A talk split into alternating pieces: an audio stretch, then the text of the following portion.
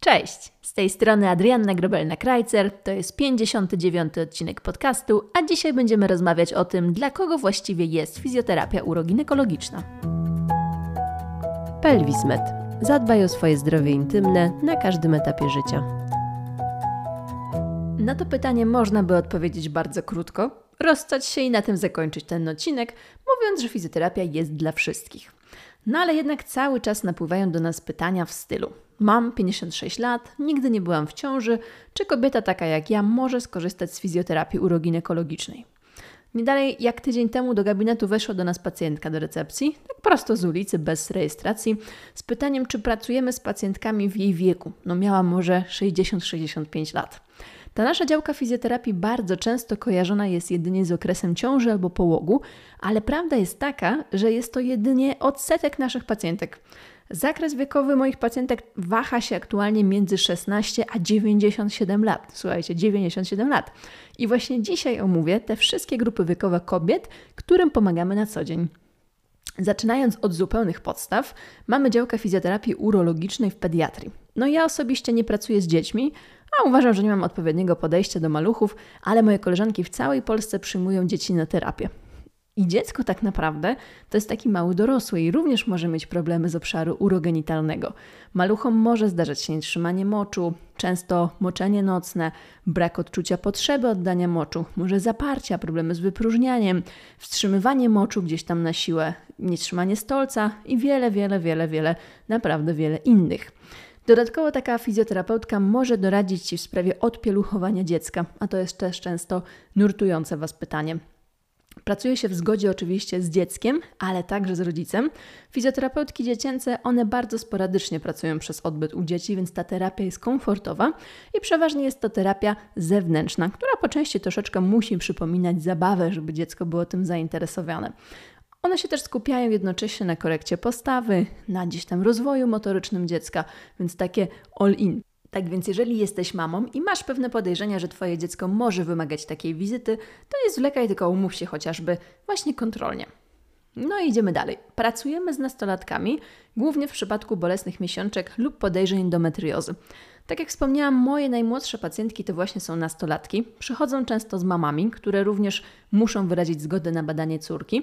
I u mnie to wygląda tak, że jeśli dziewczyna jest niepełnoletnia, to proszę, żeby na pierwszej wizycie pojawiła się z mamą, tak aby podpisać wszystkie zgody i formularze.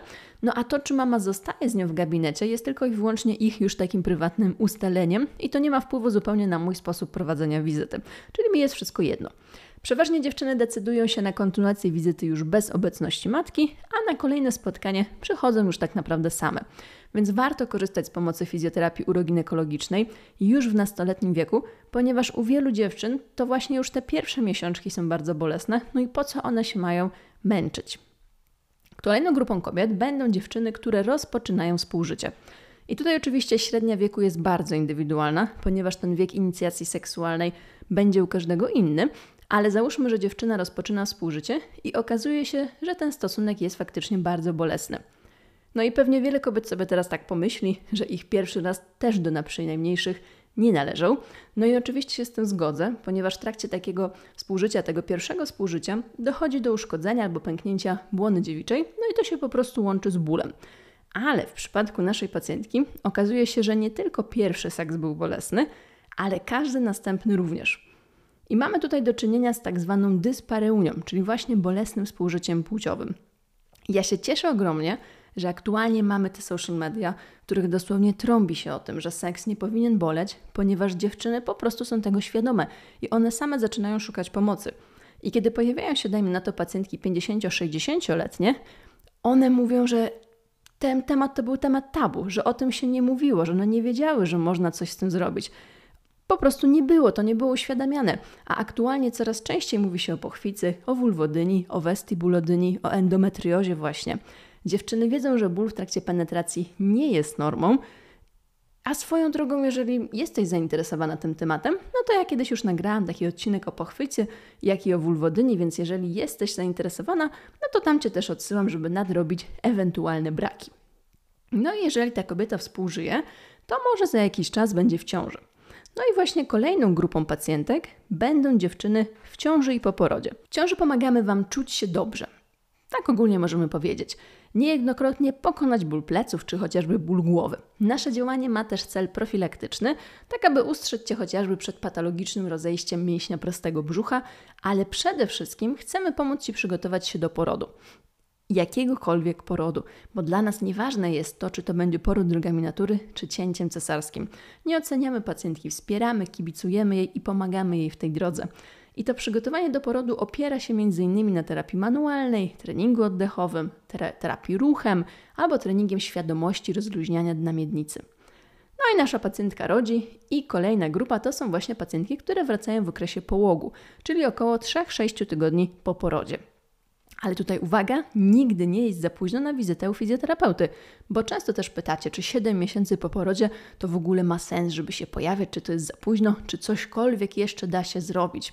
Czy praca z rozejściem mięśnia prostego, obniżeniem narządów albo nie wiem, nietrzymaniem moczu jeszcze na tym etapie ma sens. I kochana, ma i to bardzo duży. I żeby Ci to uzmysłowić, ostatnio opowiem może taką historię pacjentki, z którą właśnie ostatnio pracowałam. Była to kobieta y, po nacięciu krocza w trakcie porodu. No i może by nie było nic w tym dziwnego, gdyby nie to, że ta pacjentka miała 72 lata, a rodziła, domyślasz się pewnie, mając lat 20. I my zrobiłyśmy kawał dobrej roboty, zmobilizowałyśmy jej tą bliznę tyle lat po porodzie. Ona przez tyle lat odczuwała ból w trakcie seksu. Ją już odsyłali do psychiatry, wmawiali jej, że ten ból nie istnieje, że to wszystko jest w głowie. No i ta kobieta, 72-letnia pacjentka, w dalszym ciągu może się cieszyć bezbolesnym seksem, prawdopodobnie do końca życia. No i świetnie, gdyby każda kobieta miała możliwość odwiedzić fizjoterapeutę uroginekologicznego po porodzie, ale ja mam świadomość, że nie każdy może sobie na taką wizytę pozwolić po prostu ze względów finansowych. Dlatego my działamy w sieci, zwiększamy tą świadomość, dlatego takie podcasty jak ten między innymi, bo staramy się dotrzeć z wiedzą, szczególnie tam, gdzie są kobiety, które no właśnie nigdy do fizjoterapeuty nie trafią. Ale Idziemy dalej. Czasami jest tak, że kobieta stara się o dziecko, ale z jakiegoś powodu ta ciąża po prostu nie nastaje. I dlatego tutaj kolejna grupa naszych pacjentek to są dziewczyny walczące z zaburzeniem płodności albo właśnie niepłodnością. I może zadajesz sobie takie pytanie, na co tutaj fizjoterapia? No a słuchaj, żeby doszło do zapłodnienia, muszą być spełnione pewne warunki w naszym ciele. No i między innymi prawidłowe ukrwienie właśnie obszarów narządu rodnych. Jeżeli mięśnie miednicy są bardzo napięte albo wręcz takie zamrożone, czyli kobieta nie wie, jakie napięcie rozluźnić, to narządy nie mają odpowiedniego zaopatrzenia w krew. Dodatkowo narządy takie jak jajnik czy jajowód albo macica, one muszą mieć prawidłową ruchomość. I tutaj świetnie sprawdza się terapia visceralna, czyli terapia z narządami wewnętrznymi, terapia z narządem, z jego więzadłami, czyli z jego podwieszeniem. Pracę manualną tutaj warto wzbogacić świadomą pracę z oddechem, rozluźnianiem, ruchem. Można pomyśleć o uzupełniającej konsultacji u osteopaty. Tak więc tutaj też przy problemach z zejściem w ciążę jest co robić. Następną grupą wiekową są kobiety, które mają już powiedzmy takie odchowane dzieci i chcą, ja tutaj cytuję zawsze moje pacjentki, jak one przychodzą i mówią, że przyszły, żeby trochę o siebie zadbać. Tutaj czasami pojawiają się długotrwałe już problemy z nietrzymaniem moczu albo obniżeniem narządów, które po prostu szybciej nie miały czasu być zaopiekowane. Ja bardzo lubię pracować z tą grupą pacjentek, ponieważ one mają czas na terapię. No a co ważniejsze, mają czas na zalecenia po terapii. No bo też nie oszukujmy się, jeżeli pracujemy z kobietą, która ma w domu czterotygodniowe dzieciątko, znalazła się w zupełnie nowej rzeczywistości, no to ciężko jej wygospodarować czas na ćwiczenia zadane przez fizjoterapeutę. No a tutaj to właśnie jest już zupełnie co innego. To są przeważnie właśnie mamy, tak wiekowo mamy nastolatków. Idąc dalej, mamy pacjentki w okresie okołomenopauzalnym, czyli to będą kobiety przed lub w trakcie menopauzy. I tutaj duża zmiana hormonalna, wygasanie czynności jajnika i wszystkie zmiany w ciele, które się z tym łączą, powodują, że ta pacjentka coraz częściej odwiedza gabinet fizjoterapeutyczny.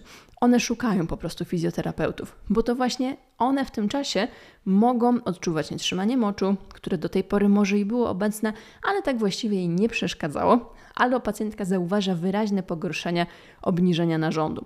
Zaczyna czuć je na co dzień, zaczyna czuć coś w pochwie, że coś jej w tej pochwie przeszkadza, zaczyna wystawać jakaś kulka, śliwka, jak to pacjentki mówią, a do tej pory no, wiedziała, że ma obniżenie, ale to jej tak naprawdę nie determinowało życia. No i co ważne, należy o tym też wspomnieć, w okresie menopauzy pacjentki mogą odczuwać ból w trakcie współżycia. Mogło go nie być, a w tym momencie dopiero życie się pojawia. On jest związany bardzo często z suchością pochwy. Nawilżenie pochwy jest dużo gorsze, wydzielanie śluzy jest mniejsze, no i śluzówka jest po prostu krucha, może pękać podczas seksu. No i oczywiście to się wiąże z bólem, zarówno w czasie, ale też po współżyciu niestety. Dlatego uczymy nasze pacjentki, jak dbać o prawidłowe nawilżenie pochwy. Niejednokrotnie musimy wprowadzać ćwiczenia rozluźniające dno miednicy, wprowadzać terapię na przykład z dilatorami. I wydawać by się mogło wszystkim, że w okresie menopauzy to na pewno każda kobieta będzie wymagała wzmacniania dna miednicy. A właśnie bardzo często jest zupełnie na odwrót. My rozluźniamy, my uczymy te pacjentki puszczania mięśni dna miednicy, bo bardzo często one w takim napięciu tkwiły przez lata. Ale to jest bardzo wdzięczna, no i naprawdę bardzo skuteczna praca.